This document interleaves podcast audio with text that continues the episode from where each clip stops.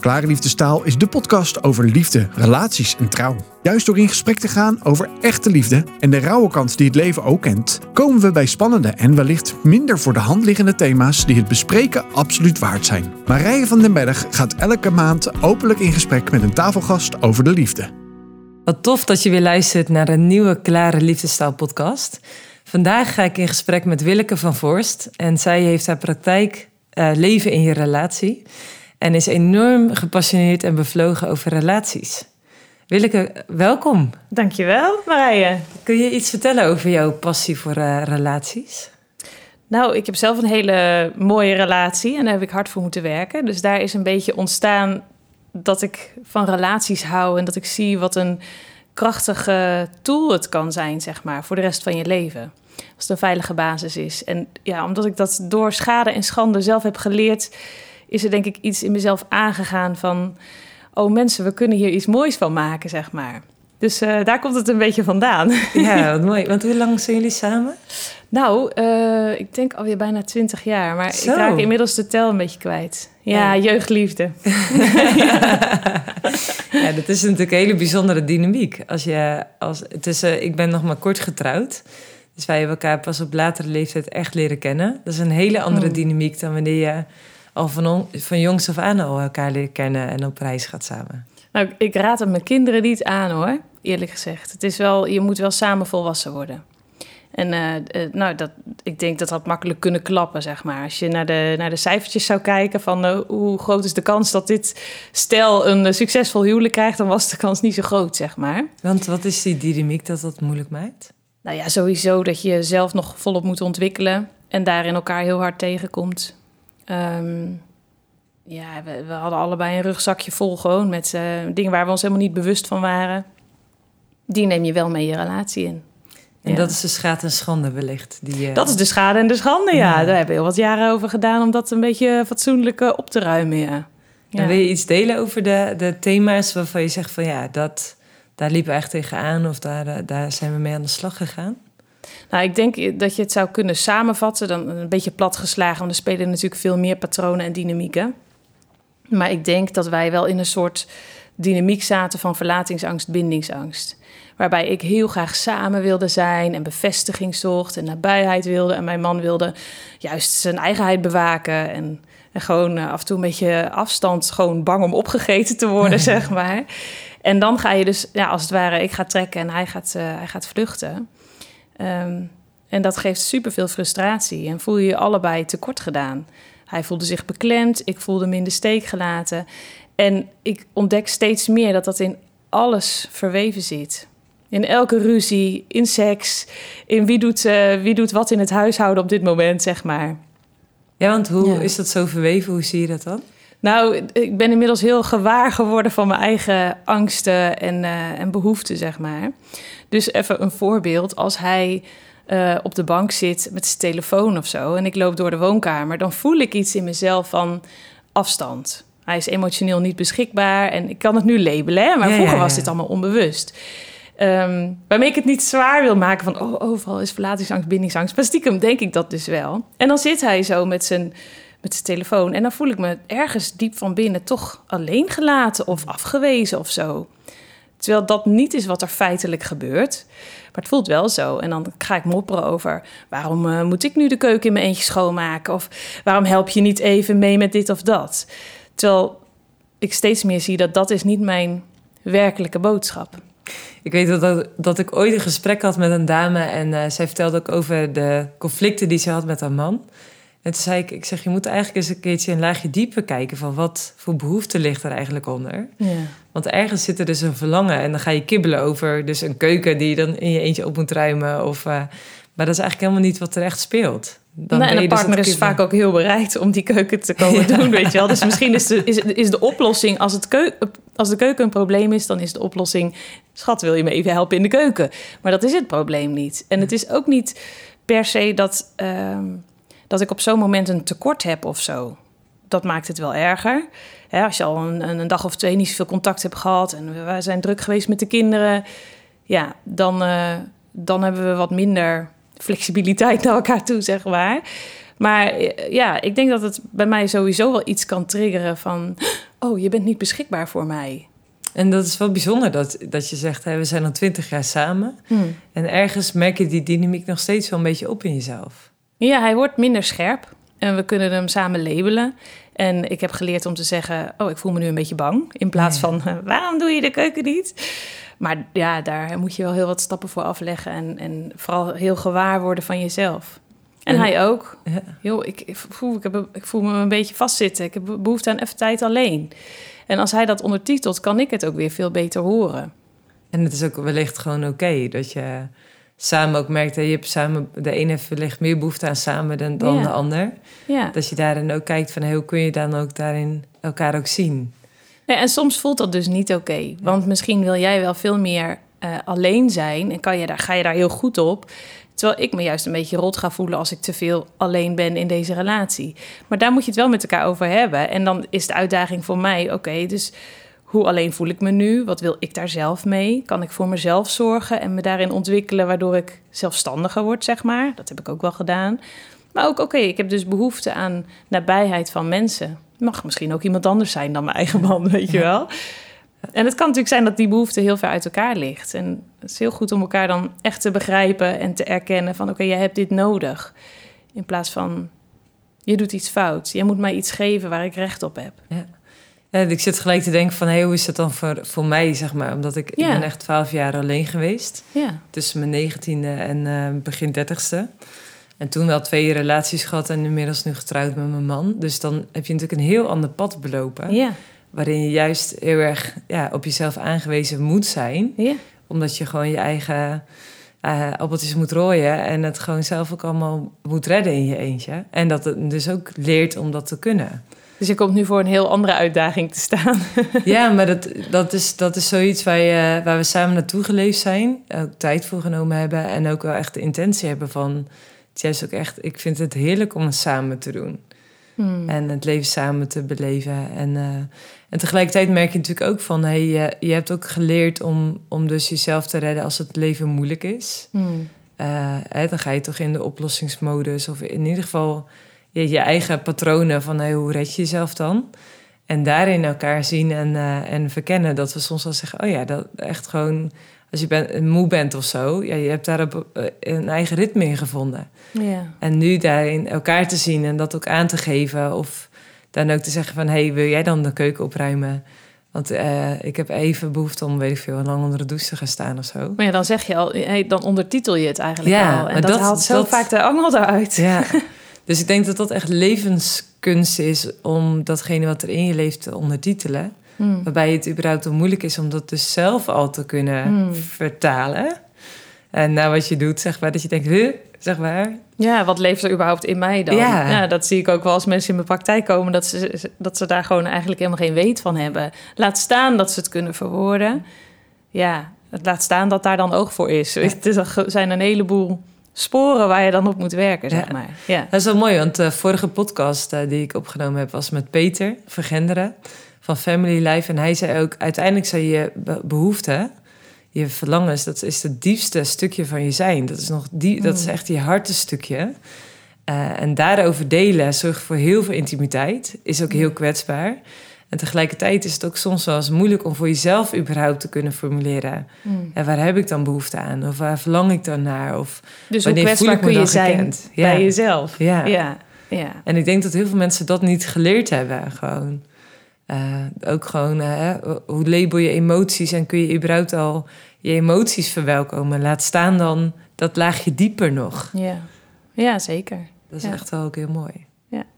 En jij ontvangt veel mensen in je, in je praktijk. Je hebt een bijzonder traject voor een half jaar. Ja, Kun je ons eens meenemen in dat traject wat je hebt? Ja, dat, eh, dat wil ik wel doen. Ik, ik heb door het doorworstelen van mijn eigen relatie en door er onderzoek naar te doen in mijn studie en daar gewoon veel mee bezig te zijn, kwam ik op zeven bouwstenen voor een sterke relatie.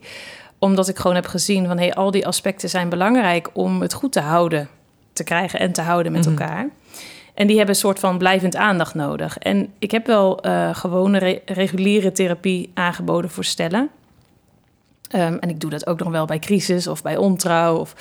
Maar ik merk gewoon dat mensen het lastig vinden, inderdaad, wat je zegt, om te labelen, om daar dan voor te gaan zitten samen, om, om überhaupt kwetsbaar te zijn. Ze weten soms gewoon bijna niet wat ze met zichzelf aan moeten als ze er echt induiken, ja. als ze elkaar echt tegenkomen. En dit traject, ja, het is een soort snelkookpan, zeg ik ook wel eens. Het is zes maanden en uh, we gaan all in. En dan ga je heel veel tegenkomen. En het gaat ook zeer doen en het gaat verwarrend zijn, maar het gaat dan niet jarenlang verwarrend zijn. We gaan in dat half jaar echt zorgen dat je snapt hoe zit mijn relatie in elkaar? Wat gebeurt er tussen ons? Wat is onze dynamiek? Wat is mijn persoonlijke uitdaging? En in dat traject ja, loop ik gewoon vrij intensief met mensen op. Dan gaan ze zelf ook echt uh, intensief aan de slag. Dus ik zie wel, de, de, het draait nog niet zo lang, maar ik zie wel dat de eerste vruchten, die, die smaken goed. Ik zie echt veranderingen waar, die ik bij stellen, die dan zeg maar wat langer en wat minder regelmatig bij me komen. Ja, ik vind deze resultaten beter. Het is echt een combinatie van online video's kijken, zelfstandig met je partner aan de gang gaan, maar ook uh, in, de, in de praktijk komen voor meer verdieping. En tussendoor kun je gewoon appen, is een speciale app van, joh, we hebben nou gisteren weer ruzie gemaakt, wat zien we nou over het hoofd? Het is zo moeilijk om echt die patronen, ja, goed te vatten, goed te labelen en dan elkaar ook nog te kunnen geven wat, wat de ander nodig heeft. Ik zeg altijd al van, uh, ik vind het soms zelfs moeilijk om mezelf te begrijpen. Ja. Moet ik jou ook nog begrijpen? Nou ja, of de ander mij, zeg maar. Ja. Dat je echt denkt, er is natuurlijk echt nergens een, een handboek van... Hey, hoe ga je om met Willeke of hoe ga je om met Marije of om met wie dan ook, zeg maar. Het is natuurlijk heel dynamisch omdat er zoveel bij, uh, bij meespeelt. Ja. Bij ons vrouwen nog een hele hormonenverhaal erbij. Precies, waar we zelf ook niks van begrijpen. Nee. ik zeg ook altijd, we hebben eigenlijk drie sporen. En dat is eigenlijk gewoon te ingewikkeld voor een regulier individueel traject... of een regulier uh, relatietraject. Is omdat je je hebt het spoor van jou. Hè? Als we jou en mij even nemen, het spoor van Marije, het spoor van Willeke. Van, van wie zijn wij, wat is ons handboek of wat is onze gebruiksaanwijzing. Ja. Dan heb je al twee compleet verschillende sporen. Met een heel ander verleden, met een heel andere eigenheid en interne dynamiek. En dan heb je het spoor van hoe reageren wij op elkaar. Dus, dus als je puur alleen in relatietherapie komt voor wij maken ruzie en dat moet stoppen, dat kan niet. Je moet kijken naar wie ben jij, wie ben ik en, en wat triggeren we in elkaar. Ja. Wat maken we in elkaar wakker, positief en negatief? Ja, ja. ja dat is wel bijzonder. Hè? En je, je had het over die zeven bouwstenen. Ja.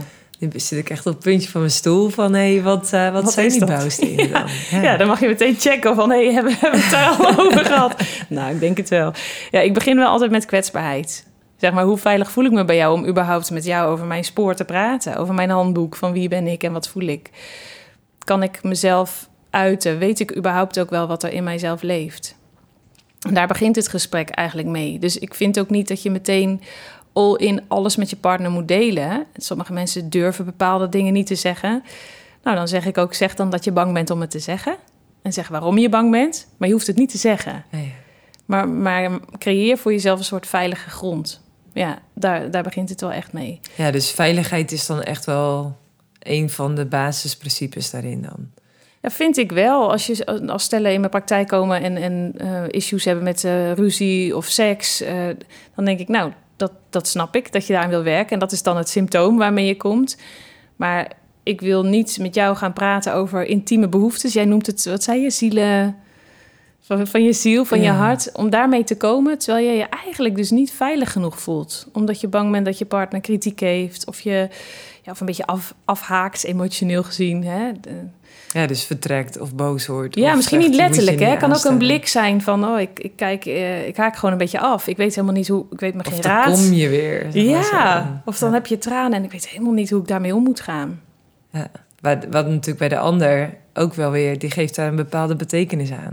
Ja. Dat is natuurlijk de ingewikkelde dynamiek van communicatie. Van, ja. uh, aan een blik heb je soms genoeg, maar de vraag is of dat je interpreteert wat die ander ook bedoelt. Of ja, dat, we hebben hetzelfde uh, goed hoor. Ja. De, ik heb in een van mijn, uh, van mijn video's van, uh, van het online traject ook de 90-10-regel. Dat vind ik zelf een hele mooie.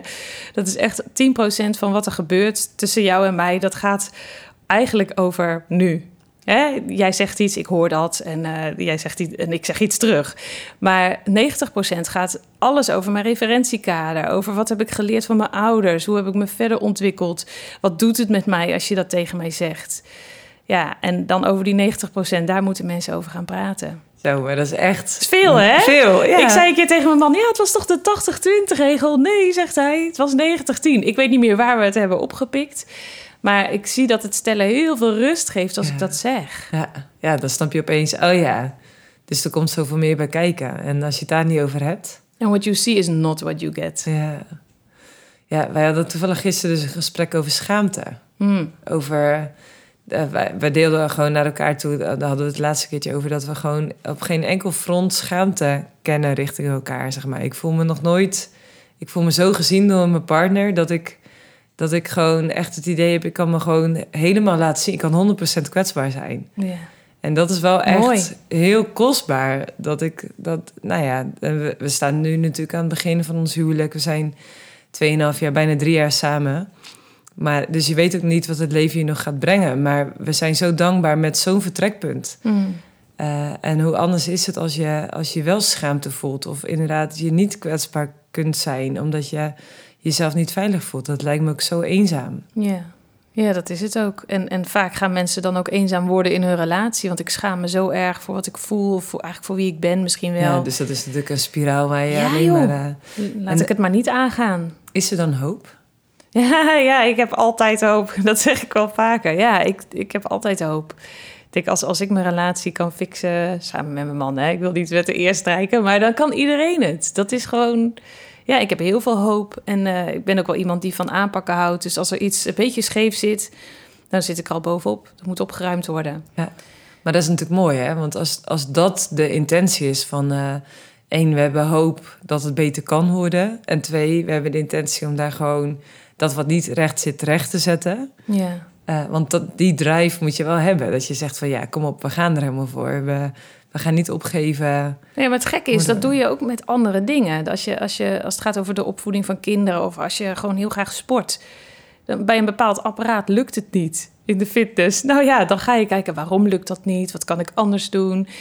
Maar als je je ogen sluit voor wat niet lekker loopt, wat, wat niet oplevert wat je zoekt, zeg maar. Ja, lijkt me dat best belangrijk. En volgens mij wordt een relatie ook vaak als iets heel statisch gezien. Zo, hè, en ik ben nou getrouwd en dit is het en dit blijft het. Terwijl we zijn, eh, nou ja, ons, ons brein legt de hele dag door nieuwe netwerken aan. Je bent vandaag niet wie je morgen zal zijn. Of je bent, wat, je bent morgen niet wie je vandaag ja, was. nou ja, dus Dus, ja. ja. Je blijft jezelf ontwikkelen. Dus als je denkt van, oké, dit is het en we zijn voor altijd... Maar dat is natuurlijk wel een beetje de Hollywood-gedachte. Ja. En ze leefden nog lang en gelukkig, zeg maar. ik heb ook zo'n bordje op mijn kamer hangen. Happily ever after. Ik kijk er ook altijd met een... Ik weet niet, ik heb hem ooit gevonden op een rommelmarkt of zo.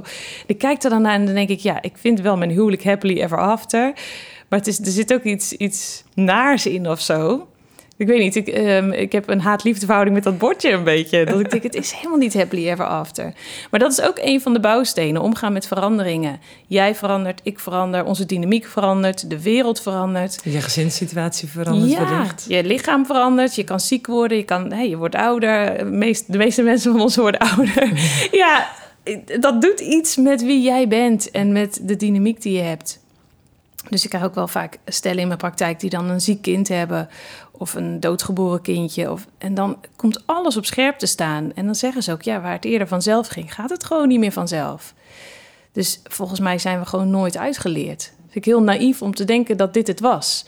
Maar dat is ook heel bevrijdend als je uitgaat van het gegeven... eh, eh, we veranderen, we kunnen blijven leren. Ja. Want dan, dan Dan heb je is invloed. het een uitnodiging. Zeker, Ja. zeker. Dat kan wat. Dan kan je daar ook op mee bewegen, kan je mee laveren. ja. Dan moet je alleen goed voor ogen houden waar wil je naartoe. ja, en dat kan natuurlijk ook wel zo zijn dat je dan door de veranderingen heen elkaar kwijtraakt. En daarom denk ik dat het belangrijk is om, om aan alle bouwstenen te blijven werken. Om en kwetsbaar bij elkaar te blijven en te blijven praten over zijn we nog tevreden en ben jij nog wie je wil zijn? En, en dat kan ook heel persoonlijk zijn. Dat, dat, eh, mijn man volgt nu een studie psychologie, die wil zich daarin ontwikkelen. Ehm, dat, dat vraagt ook iets van mij. En hij, hij leert dingen die hem misschien een andere kijk op het leven geven. Of weet je, daarom, daarom moet je dus altijd met elkaar in gesprek blijven. Dat is wel mooi, want Jacob die zei ook van... eh, je hebt juist ook externe inspiratie nodig... om je eigen relatie boeiend te houden. Ja, joh, een beetje leven in de brouw. Ja, en gewoon ook eh, als je man dan dingen leert... en zegt, hé, hey, eh, moet, je- moet je ze horen? Dit heb ik geleerd, super enthousiast over. Dan geeft het ook wel weer mooie reden tot gesprek. Of, Maar dat is dus de grap ook van die, die balans waar we het er straks over hadden... van waar mijn man en ik dan eh, vaak in zitten. Die dynamiek van, ja, maar ik wil graag bij, dat je bij me blijft. Als ik dat helemaal zou, als ik daar alle macht toe zou krijgen in mijn relatie... wat ik bij tijden ook wel heb gehad, dat is helemaal niet gezond. Want Ehm, dan, dan wordt hij een soort aangepaste versie om de vrede te bewaren. Ik, krijg een soort van wat ik wil, maar ik krijg niet wat ik nodig heb. Nee, plus hij is wellicht niet zichzelf. Even los van dat hij dan niet helemaal zichzelf kan zijn en ook niet gelukkig is. Maar ehm, het is niet wat ik nodig heb. Wat ik nodig heb is dat hij uh, op pad gaat, uh, uitvliegt, zeg maar, dingen meemaakt en terug terugkomt met verhalen en het bindt ons weer samen. Als hij terugkomt en hij deelt die verhalen niet, hey, dan, dan kan er al scheefgroei ontstaan. Ja, dus Neem me wel mee in jouw ja, proces. Dus dat, dat is echt dus die balans tussen uh, alleen en samen. Dat je daarin uh, ook merkt van hey, je, je hebt momenten alleen, je hebt momenten samen. En daarin kun je samen meeleven. Ja. En een stukje meebeleven van wat die ander dus uh, meegemaakt heeft. Nou, want als hij alle macht zou krijgen, dan zouden we allebei volledig ons eigen ding doen. Dan zou er ook helemaal geen verbinding meer zijn ja, heb je dan nog een relatie? Dus het is ook wel mooi, juist, ik ben juist ook wel blij dat we deze dynamiek hebben, omdat we wel het beste in elkaar naar boven halen. Ik heb te leren om op mijn eigen benen te staan. En hij mag leren om in verbinding en in contact te staan zonder schaamte. Ja. Nou, ik denk wel, daar zijn we heel erg in gegroeid. En ik ben zo blij dat we daar ook in ons eigen spoor een beetje in balans komen. Ja, ik word ook autonomer hiervan. Ja. ja. Hey, en en die, het verhaal van wat je zelf meegenomen hebt, je relatie in. Je komt allebei uit een ander nest. Je hebt allebei een eigen rugzakje. Zo'n soort van doorzichtig rugzakje wat niemand ziet. Ja. Maar wat wel zijn invloed heeft.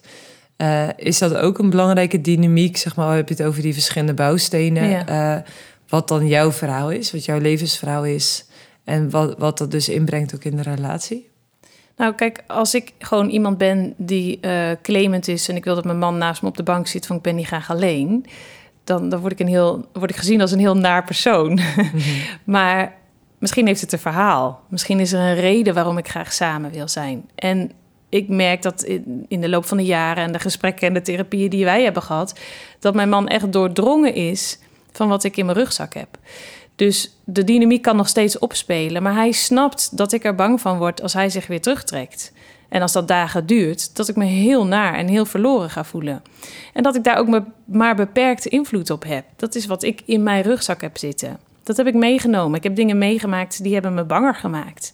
Dan heb ik meer behoefte aan nabijheid. Zeker als ik uh, de wereld even een dagje spannend vind. Of het gaat niet lekker op mijn werk. Of dan neem ik mijn toevlucht tot samen. Ja.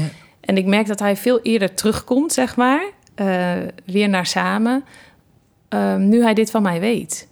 Maar dan zie je dus hoe belangrijk het is dat je dus elkaar kent. Ja. En ook de intentie hebt dus om elkaar te dienen, eigenlijk lief te hebben. Nou ja, dat, ga je dus eigenlijk vanzelf doen. Als ik weet dat jij dus niet uh, boos tegen mij praat nu bijvoorbeeld... omdat je boos op mij bent, wat ik dan wel zou denken... maar dat je een beetje boos of heftig tegen me praat omdat je stress hebt... de relatiestress, dat je denkt dat ik je niet meer leuk of lief vind of zo... Als ik dat echt, echt weet, ga ik toch vanzelf anders op jou reageren. Ga ik toch vanzelf opnieuw labelen de, waarom jij doet wat je doet. Ja, als je het wil zien wel als je het wil zien. En het lastige is dat veel mensen in mijn praktijk, ook individueel, ja, moeten we nou gaan graven in het verleden? Nou, je hoeft niet te gaan graven in het verleden, maar als je geen verhaal hebt, hè, wie ben ik en waar kom ik vandaan, dan, dan ja, het helpt om dat rugzakje leeg te maken op tafel. dat is ook een van de onderdelen van het traject. Is ook, oké, wat heb jij dan in je rugzak zitten? Wie heeft jou pijn gedaan? En wie heeft jou goed gedaan? En, en waar, waarom ben je geworden wie je bent?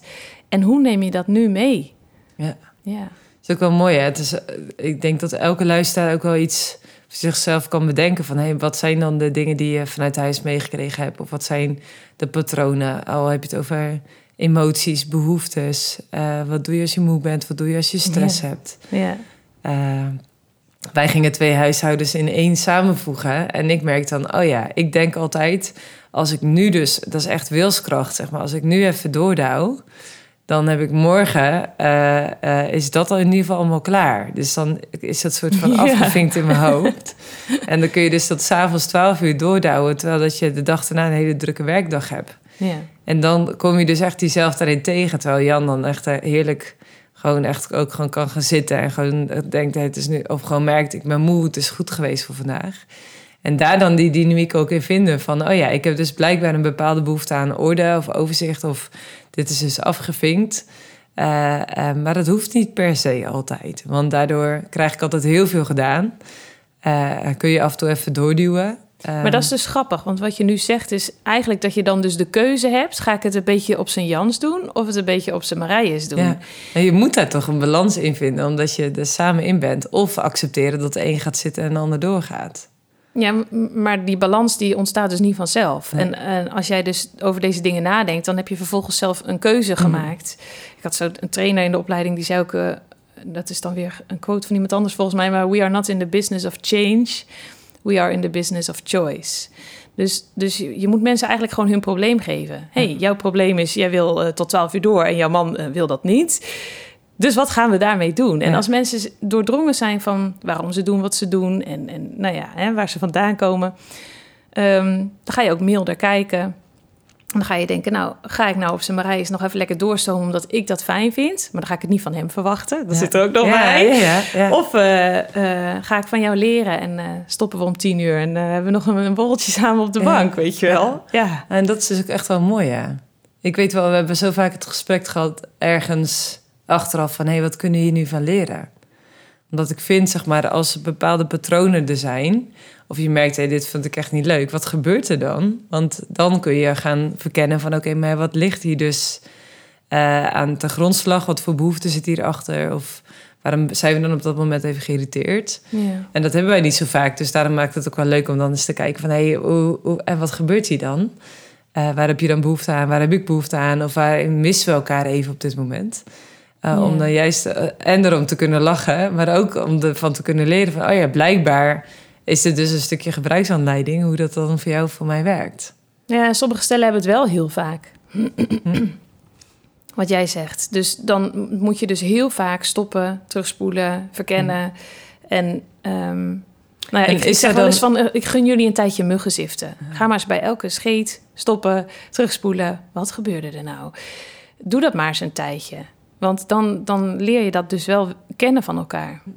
En hoe, hoe is het dan gekomen, zeg maar, dat het zoveel momentjes kunnen zijn? Nou ja, dat is dus wat ik ze dan, waar ik ze dan een beetje toe uitdaag. Want als je die momentjes dus gewoon maar overslaat... en jij hebt ze dan wat minder vaak met, met jouw partner, dat is fijn. Maar als je de kans om dat even te, daarop te reflecteren, als je die overslaat... ja, ga je allebei met je eigen conclusies verder nou ja, het zal wel zo zijn dat. En dat is ook altijd gebaseerd op het verleden. Een soort zie je wel ervaring. Oh, zie je wel. Ik kan op zulke momenten sta ik er gewoon alleen voor. Of zie je wel. Jij moet ook altijd maar doorgaan. En dan heb je een soort verhaal maak je dan van elkaar wat gewoon niet klopt. Ja. En die zie je welletjes zijn natuurlijk de grootste. Ja. Eh, dat je zijn, er al bij. Ja, dat zijn, hele, ja. dat zijn hele grote plonzen in de... Dan is de maat vol, zeg Ja, maar. die zijn genadeloos. ja. Genadeloos. Ja, mijn zie je wel eh, naar mijn man toe is echt genadeloos.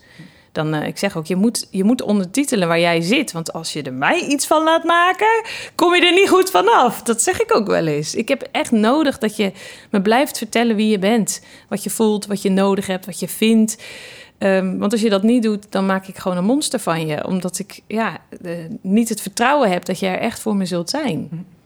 En uh, ik leer niet snel. dat zegt hij ook wel eens. Ja. Dat is wel goed, hè? Dat je zo eerlijk naar jezelf durft te kijken. Van, als je het dus niet uh, uh, ondertitelt, yeah. dan maak ik er, ben ik genadeloos. Maak ik een monster van je. Dat is natuurlijk wel yeah. Heftig, zeg maar. Als je dat bij jezelf ook in de spiegel durft te kijken. Ja, en dat is niet wat ik wil, hè? Dus het is ook, ik, ik zeg het ook niet als dreigement tegen nee, maar wel maar echt wel... een soort wanhoop van... Ik kan er geen andere kaas van maken dan die smerige kaas die ik er altijd van maak.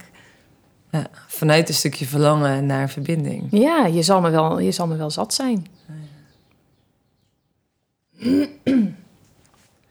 Ja, en dat is, dat is natuurlijk een heel pijnlijke gedachte. Ja, ja, en het helpt mij om te weten waar die vandaan komt. Wat, waar mijn blauwe plekken zitten. En ik wil ook gewoon dat stellen die bij mij in het traject zitten... dat ze gaan snappen Waar zitten mijn blauwe plekken? Wanneer druk ik per ongeluk op die van jou? En wat doet dat dan? En hoe, in welke dynamiek komen we dan terecht? Maar wat ik wel snap, waarom mensen ook een soort van het uit de weg gaan soms, bewust of onbewust, is het kijken naar je eigen blauwe plekken. Dat, dat doet pijn. En dat, daar is veel moed voor nodig. En ik zeg ook wel, dit moet je niet alleen doen. Je hebt het echt nodig dat iemand bij je is om je te helpen reguleren. Want we, ja, we hollen er onbewust zo hard voor weg. Ja. Ja, In mijn boek uh, Van Rauw naar Wouw is uh, één hoofdstuk, heet ook Mensen zijn pijnvermijders. ja. Uh, dat zijn we echt. Dat Ja. zijn we echt, zeg maar. Het liefst Ja. willen we de pijn zo, zo sterk mogelijk vermijden om het maar niet te voelen.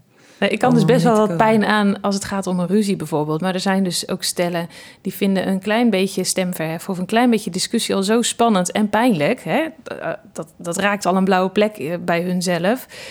Dan gaan ze die ruzie niet eens meer aan. Dan gaan ze die discussie niet meer aan. Dan schuur je niet meer. Dus ze komen dan ook vaak in de praktijk en dan zeggen ze: Ja, ik, ik wil gewoon weten hoe ik kan stoppen met mijn partner zo te triggeren. Of hoe mijn partner kan stoppen om mij zo te triggeren. En dan zeg ik ook: Nou, dat gaat hem niet worden. Je partner zal je altijd blijven triggeren. Maar ja, ik kan je wel helpen om het te reguleren en het te ondertitelen wat het met je doet. Ja, echt. eh, Maar dan heb je wellicht, zeg maar, hè, mensen die thuis eh soort van verdwenen omdat er zoveel ruzie was thuis. ja, daar zit vaak wel een Eh, verhaal Er achter. zit vaak natuurlijk wel een verhaal achter. En Ja. dat, dat is natuurlijk ook mooi voor jezelf. Als je nu luistert en je denkt van... hé, hey, ik herken dit of ik, ik, ik worstel daar ook mee... Met, met bepaalde dynamieken die dus ontstaan in de, in de samenhang met je partner... of als je alleen bent met de mensen om je heen. Ja. Eh, en dat je gewoon merkt, hè, af en toe wordt er iets in mij getriggerd. Eh, dat zegt iets over jou en over jouw verhaal. Ja. En dat te gaan verkennen en dat te gaan ja, ontmoeten en te omarmen en daar een proces in aan te gaan, zorgt ervoor dat je zelf ja, vrijer in het leven kunt gaan staan, heler in het leven kunt komen. En, Ja, het heeft ook een effect op andere mensen. Als jij Ja. zo vrij bent dan, en zo helemaal jezelf bent, creëer je echt zoveel veiligheid voor een ander. En het is een soort stille uitnodiging om ook helemaal jezelf te zijn. Ja. Dus als je partner dat lastig vindt om zichzelf te zijn, begin dan bij jezelf. ja, mooi hè? Ik vind dat zo bijzonder. Ik zeg altijd, je kunt niet op je voorhoofd communiceren waar je zo naar verlangt. En Nee. heel vaak willen we dat de ander ziet wat wij willen hebben, waar wij behoefte aan hebben. Dat is een beetje het kind in ons. Van, je, ik, ik moet huilen, til me dan op of zo. Ja. Ja, Hou me dicht bij je. Hou me of geef me een je. bakje thee of wat dan ook. Of Ja. vraag me gewoon. Of luister alleen maar naar me. maar ja, je noemt nu al zoveel opties. Ja, Eh, het is zeg, hoe handig. kan een ander Ja. dat ooit weten? Dus dat te ondertitelen, Ja. is zo'n mooie term die je daarvoor gebruikt. Gewoon heel simpelweg te houden. Dus woorden aangeven. ja. En dat is voor jezelf al vaak zo moeilijk, omdat je het niet weet. Eh, dus als je merkt van, hé, hey, ik, ik, ik heb hier zo'n verlangen naar, ik loop hierop vast. Eh, ga dan het proces aan om dat te kunnen gaan ondertitelen. Dan help je jezelf mee, dan kun je beter voor jezelf zorgen. Maar het maakt het ook een stuk makkelijker voor de mensen om je heen, omdat ze dan gewoon ja, van jouw tools aangereikt krijgen van hé, maar zo kun je me dus helpen. Of zo kun je. En vaak verrast zijn. Ja. Oh, je wil dus helemaal niet dat ik je met rust laat. Ja, je kijkt zo nors. Ik denk, ik ga maar. Ja. ik vind het ook wel sport om dan in mijn praktijk als iemand dan zegt... eh, nou, maar ik vind het ook gewoon dat je te weinig helpt of zo. Dan eh, een of andere sneer. Om dan gewoon heel bizar te gaan ondertitelen. Nou, eh, wat ze eigenlijk zegt is... eh, ik voel me zo alleen en ik wil graag dat je bij me bent... en me af en toe eens een beetje helpt. En dan schieten ze allebei in de lach. En vaak klopt het ook. Het is echt dus die onderste laag, die moet je naar boven halen. En de bovenste laag, ja, dat is alleen maar verwijten of je terugtrekken. Of ja, Ja. weinig opbouwend aan, zeg Mhm. maar. Ja. Ja, dus ik haalde net dat gesprek aan dus met die dame. En het- ja, nog steeds heeft ze het erover. Van, eh, dat het zo'n licht bracht over, eh, op hun ruzies of op hun conflicten. Dat ze dacht, zich realiseerde eigenlijk van... Hey, er zit dus altijd een behoefte achter. ja. En een verlangen van, hey, zie me dan of ken me dan. Of Het is vaak heel dan. bazaal, heel existentieel ook. Heb me gewoon lief. Of aanvaard me zoals ik ben. Of blijf gewoon even in de buurt. Ja. Dus we hebben inmiddels een paar bouwstenen voorbij horen komen. ja kwetsbaarheid hebben we gehad. Eh, hechting en ontwikkeling, van waar kom je vandaan? De balans alleen en samen, die, eh, daar was, mijn- waren mijn man en ik een mooi voorbeeld van. Ehm, omgaan met veranderingen, van blijf scherp op... hey, waar staan we nu en welke dingen maken we mee... die ons ook weer vormen of vervormen. Een hele belangrijke is vriendschap. En dat betekent niet dat je alles... eh, als ik kijk naar mijn vriendinnen, dan, dan heb ik veel... ehm, hoe zeg je dat? Veel met ze gemeen, maar ik heb nog veel meer niet met ze gemeen. Dus heel bizar hoe je in vriendschappen zo, zo jezelf kan zijn... en zo kan lachen en ontspannen met elkaar kan omgaan... en elkaar kritisch kan bevragen zonder zwaar getriggerd te worden. Terwijl in je relatie vlieg je elkaar zeg maar naar de nek... of je trekt je helemaal terug. Dus vriendschap, dat zit denk ik gewoon heel erg in elkaar aanvaarden zoals die ander is en tijd doorbrengen. En ja, er zijn echt momenten geweest in het verleden, gelukkig wat langer geleden al, dat mijn man en ik echt gewoon bijna niet meer wisten hoe we van elkaar moesten houden. Maar ja, vrienden waren we nog wel. En dan gingen we maar samen een film kijken en hadden we een goede avond. Dus dat is echt wel iets wat je heel erg lijmt aan elkaar. Ja, heel belangrijk. Tijd Ja. doorbrengen. Ik denk ook wel dat dat ook... eh, eh, daar zit natuurlijk ook een stukje humor bij. Of gewoon Ja, eh, af en toe even lachen. Als plezier je, als, maken. Als je ziet wat er binnen, binnen je brein gebeurt. als je samen lacht. Ja. Of even... al, wij hebben toen de beender, beendertjes van Sint Hildegard ja, gekeken. ja, ja, enige film. Nou, in de bioscoop. Nou, Ja. ik, ik heb onder de stoel gelegen van lachen. Ja. En dat was in de periode dat ik zelf nog ziek was. En eigenlijk helemaal niet zoveel prikkels kon verdragen. En ja, wij, zeg maar, midden in mijn ziek zijn een relatie kregen. Hmm. Eh, en dan merk je dus dat het je zo goed doet. Gewoon even eh, helemaal dubbel liggen om een film waarvan je echt denkt... Nou ja, het was gaat echt heel gewoon, ja, zeg maar. maar dat, dat je, ik weet dat gewoon nog, zeg maar. Van in de tijd dat ik zelf dus niet zo lekker zat... dat het zo goed deed om gewoon eens als van ouds te kunnen lachen... zonder dat, dat, dat het dan per se in een grap zit die je elkaar vertelt... maar gewoon zo samen lol hebben eh, met iets wat je dan bezoekt. Je zegt ook van ouds, maar dat is volgens mij ook het geheim van een vriendschap. De, welke vriendschappen ben je het meeste hecht mee? Dat zijn vaak de, de mensen met wie je al langer teruggaat, met wie je geschiedenis hebt geschreven. En als jij geschiedenis schrijft met je partner door gewoon samen te leven, en te praten en te delen en te lachen. Ja, dan zijn er dus dagen dat, dat de liefde even weg is, of voor je gevoel in ieder geval. Maar dan heb je nog zoveel om op terug te vallen. En dan is het oké. nou, je, je relatie kan tegen een stootje, zeg maar. Ja. ja. Mooi. Samen geschiedenis schrijven, ja. Ja, en dus ook nieuwe tradities wellicht. Precies, eh, en inside inbouwen. jokes. Ja. We hebben ooit eens een Turkse film gekeken... waar mijn man helemaal lyrisch van was. Ja, en, en nu praat hij soms Turks tegen mij... en dan ga ik dat opzoeken op Google Translate. Iemand anders die dat dan die dat hoort zal denken... ja, dat zou voor een ander niet werken. Maar wij hebben daar toen samen zo om gelachen. En Ja. dat is toen gebleven. Of grapjes van vroeger... Of eh, eh, verhalen over ons thuis... waar we elkaar dan nu mee op de hak nemen, zeg maar. Ja. Ja, je, ja dan, dan is vriendschap is toch wel echt... eh, Ja. Maar dat is ook wel die momentjes dat je dus eh, ergens op visite bent of zo. En dat je dus met één woord gewoon echt dus zo'n grapje omhoog kunt halen. Ja. Of met één opmerking. En dan gewoon de- samen ook dat grapje hebt, zeg maar. Terwijl iedereen denkt, "Huh, waar hebben Waar jullie het over? over? Maar dat geldt dus ook voor dat minder fijne deel, zeg maar. Dat, dat als wij nu in gezelschap zijn, hoef ik niet te vechten om aan mijn man duidelijk te maken waar ik zit. Ik kan met een, een korte zin of een woord of een blik, snapt hij... hey, dit is jouw verhaal weer. En ik Ja. weet eh, wat je nu van me nodig hebt. Of, en dat geeft ook in, dus in een groep in de wereld, geeft dat zoveel veiligheid. Maar dat is dus wel omdat je hebt laten kennen. Ja, Dus jezelf laten kennen is denk ik een van de belangrijkste ja, eh, basisvertrekpunten, zeg maar. Hoe spannend dat dus ook is, want dat Ja. raakt dat stukje kwetsbaarheid ook. Communicatie, elkaar echt zien. het risico op afwijzing.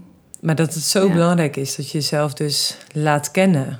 En dat je allebei de bereidheid hebt van hem, ik wil jou ook kennen. Van Ja. eh, wat beweegt jou dan? Wat, wat maakt jou tot wie je bent? En hoe kan ik jou daarin dienen en liefhebben en het beste hier naar voren halen? Nou, dat vind ik ook het mooiste, het mooiste stukje uit de Bijbel van, van eh, God echt kennen en gekend worden. Ja. Dat is voor mij, ja, dat vind ik wel halla, zeg maar. Ja. Dat is het gewoon. En als ik kijk naar mijn relatie, denk ik, oh ja, dat is eigenlijk hetzelfde. Ja. En dat geldt ook voor mijn praktijk. Dat ik wil dat mensen echt kennen en ik wil ook dat ze mij echt tegenkomen. Dat ik een voorbeeld moet zijn in kwetsbaarheid en vriendschap. En eh, gewoon dat ze mogen, mij echt mogen ontmoeten. Dan ontmoeten ze zichzelf ook. En ik denk echt wel dat we zo bedoeld zijn. Ja, en ik denk zonder dat, zonder die eerlijkheid, dan kun je dus ook niet verbinden op hart, eh, op zielstukjes, zeg maar. Echt Ja, dat dacht ik net ook even van, ja, dan zou je dus een deel van jezelf laten zien uit angst dat de rest wordt afgewezen. En dan word je misschien op een dag sowieso afgewezen voor een deel van jou. Terwijl Ja. als je alles had laten zien, was dat misschien niet gebeurd. Nee. Weet je niet. Maar, ik word beetje- liever voor afgewezen dan ook echt voor wie ik ben. Dan weet ik ook, nou, dan ben je geen partij voor mij. Nee. Dan dat je me afbreekt op een stukje van me. Want dat is natuurlijk een beetje self-fulfilling prophecy. Je Ja. bent bang, dus je laat jezelf niet helemaal zien. En vervolgens denkt de ander, ja, maar wie ben je dan? Want ik ken je niet helemaal. Dus maak ik een monster van je, want de rest kleur ik gewoon zelf in. Dus dan, dan is geen Ja. verbinding sowieso eigenlijk een is-teken. Ja. Dus datgene waar je dan zo bang voor bent, omdat je dan dus daardoor jezelf dus ook niet laat zien, eh, is eigenlijk het zaad wat dus de vrucht voortbrengt van disconnectie. Waardoor Ja. dus eh, datgene wat je zo graag zou willen laten lukken, eh, voor je gezicht, voor je neus eigenlijk afbreekt. En eigenlijk ben je dan al disconnected van jezelf. Een mooie uitnodiging ligt er dan, hè? Ja, er valt ook superveel te winnen. Ja.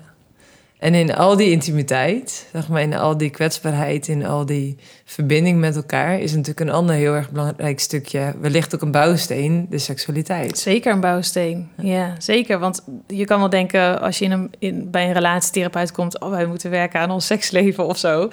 Maar het zegt zoveel ook weer, waar kom je vandaan? Hoe ondertitel je? Weet ik waar mijn partner van aangaat, gaat, waar mijn partner van uitgaat? Ehm, weet ik überhaupt waar ik zelf van aan of van uitga? Ik merk dat vooral heel veel vrouwen eigenlijk geen flauw idee hebben... waar ze naar verlangen. En, en wat seks voor hun zou kunnen doen, zeg maar. Nou ja, dat is gewoon zonde als je daar met elkaar niet over hebt. Mhm. Maar ik, ja, ik vind het echt heel belangrijk dat je daarvoor eerst veilig bent, kunt ondertitelen, weet wie je bent en waar je vandaan komt en gaat dan eens over seks hebben. Dan kunnen hele mooie gesprekken ontstaan. Ja, Maar dat is ook natuurlijk iets kwetsbaars. Voelen je overgeven aan dat gevoel van ja, wat doet het als je geliefde jou aanraakt? ja. Eh, wat brengt dat dan teweeg? Eh, kun je daar ook aan overgeven? En kun je elkaar daarna ook weer loslaten. Ja. Dat ook, hè? Dan ben je zo hecht versmolten. Nou, voor iemand als ik, dan, wij kregen altijd ruzie na de seks. En op een gegeven moment ging ik daar patronen zien. En ik dacht, waarom hebben we de dag na de seks altijd ruzie?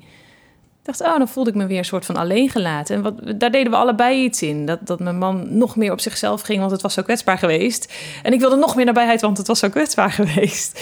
Dus voordat je het weet, zit je weer in die dynamiek. Dus het, het, het- ja, de seksualiteit en intimiteit hangt zo samen met, met al die andere dingen die we eigenlijk al besproken hebben. Mm.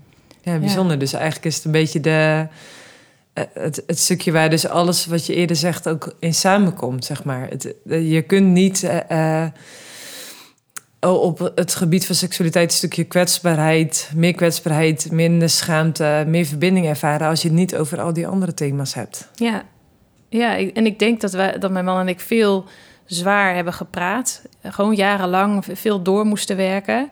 En dat onze seksualiteit was heel fijn en heel goed. En ik vond het ook steeds beter worden. Ehm, en op een gegeven moment merkte ik een soort van sleur of zo. Dat ik dacht, oh, ik ben wel gewoon, ik werd daar ook wel nieuwsgierig van. Ik dacht, oh, we hebben, het is lang geleden dat we wat op te ruimen hadden. Wat, wat gaat er gebeuren? En toen dacht ik, nu, nu we het er zo over hebben, denk ik, oh ja, dit is natuurlijk weer het stukje vriendschap, het stukje spelen.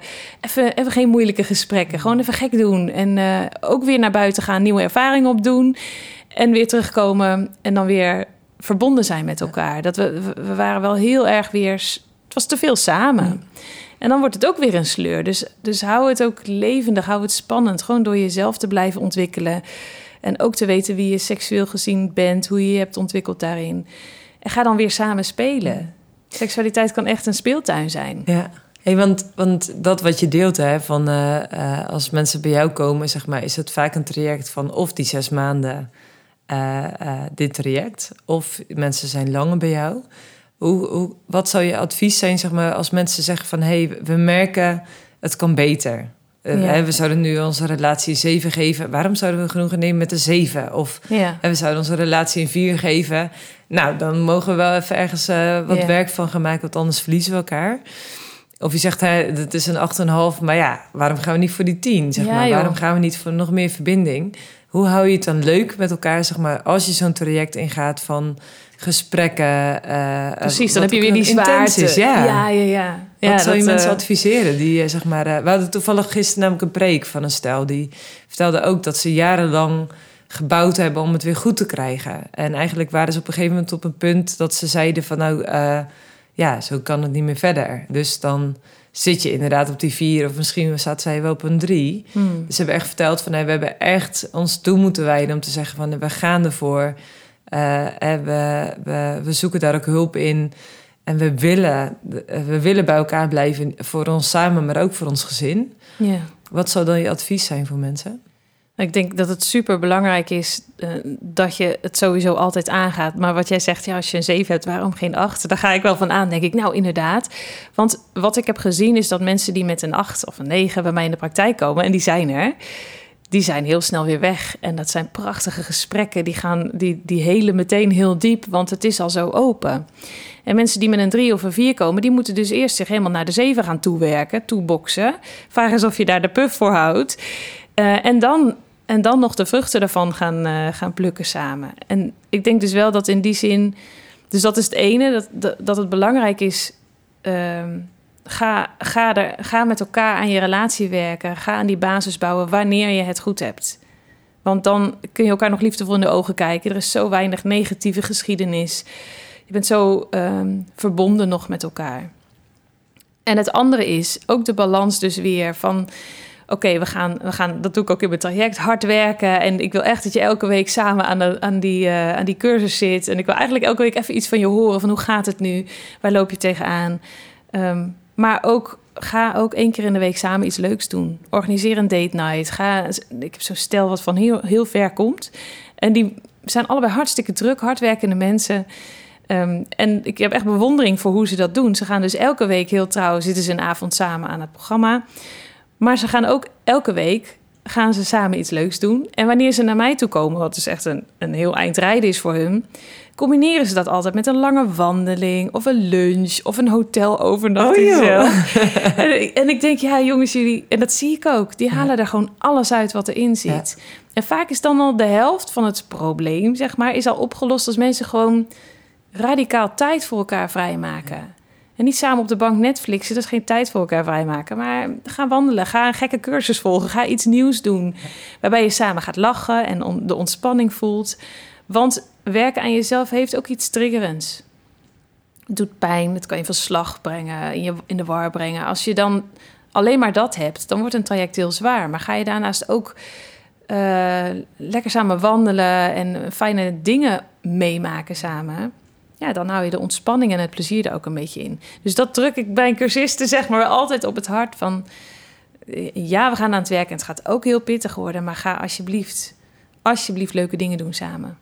Mooi? Ja. En misschien is het heel simpel. Misschien is het gewoon wel elke avond even samen koffie drinken... als de kinderen nog even uh, lief aan het spelen zijn of zo. Ik merk dat dat voor ons vaak wel een goed moment is. Hm. Even, hey, hoe was je dag? Hoe voel je je vandaag? Ja, gewoon echt even verbinden. Het echt elkaar het gewone, even zien. Het gewone, ja. Ja, en het niet in het uh, buitengewone zoeken. Uh, het hoeft daarin ook geen geld te kosten. Nee, nee. Gewoon in het Je hoeft niet meteen een weekend weg. Nee. Maar uh, als je een hond hebt, dat, dat ben ik, altijd, ik ben altijd blij voor mensen als ze een hond hebben. Want dan moeten ze sowieso die hond uitlaten. En de kinderen zijn gewend om nog even alleen te blijven. Ga samen even die hond uitlaten. Raak elkaar even aan. Dat ook. Loop even hand in hand. Er is zoveel dus soms is het heel simpel. Ja, mooi hè? Ja. Wat is jouw uh, verlangen voor de relaties in Nederland? Hmm, dat is een hele grote vraag. Um, ja, ik verlang ernaar dat, dat mensen zich gekend weten. Dat is mijn diepste verlangen. Door hun partner in de eerste plaats. Um, en ja, dat, dat mensen zich dus veilig genoeg voelen bij zichzelf en bij hun partner. Om gewoon te kunnen zijn wie ze zijn. Met hun minder mooie kanten, met hun schaduwkanten, maar ook met hun gekkigheden die we ook vaak onderdrukken bij onszelf. Gewoon dat je mag zijn zoals je bedoeld bent. Dat is wel, uh, ja, dat, dat, dat, dat is voor mij een stukje paradijs op aarde. ja. Toch wel jammer dat we nog geen filminstallatie hebben. Wat zei je toch wel? Dat we nog geen filminstallatie hebben om uh, je stralende gezicht uh, te filmen. Echt ja. heel mooi om je passie zo te horen. Ja. En je wijsheid. En daarin ook, uh, ja, ik vind het echt een waanzinnig programma wat je zo ontwikkeld hebt. Ook met de bouwstenen. En hoe dat dat zeker te weten mensen verder gaat helpen, ook in hun relatie. Dus zeg je nu van ja, ik wil meer leven in, in mijn relatie. Ga dan naar www.leveninjerelatie.nl. Dan kan je meer vinden over Willeke. Echt allemaal blogs, maar ook hele toffe producten en trajecten die ze aanbiedt. Dus uh, weet je daarin welkom. Dankjewel.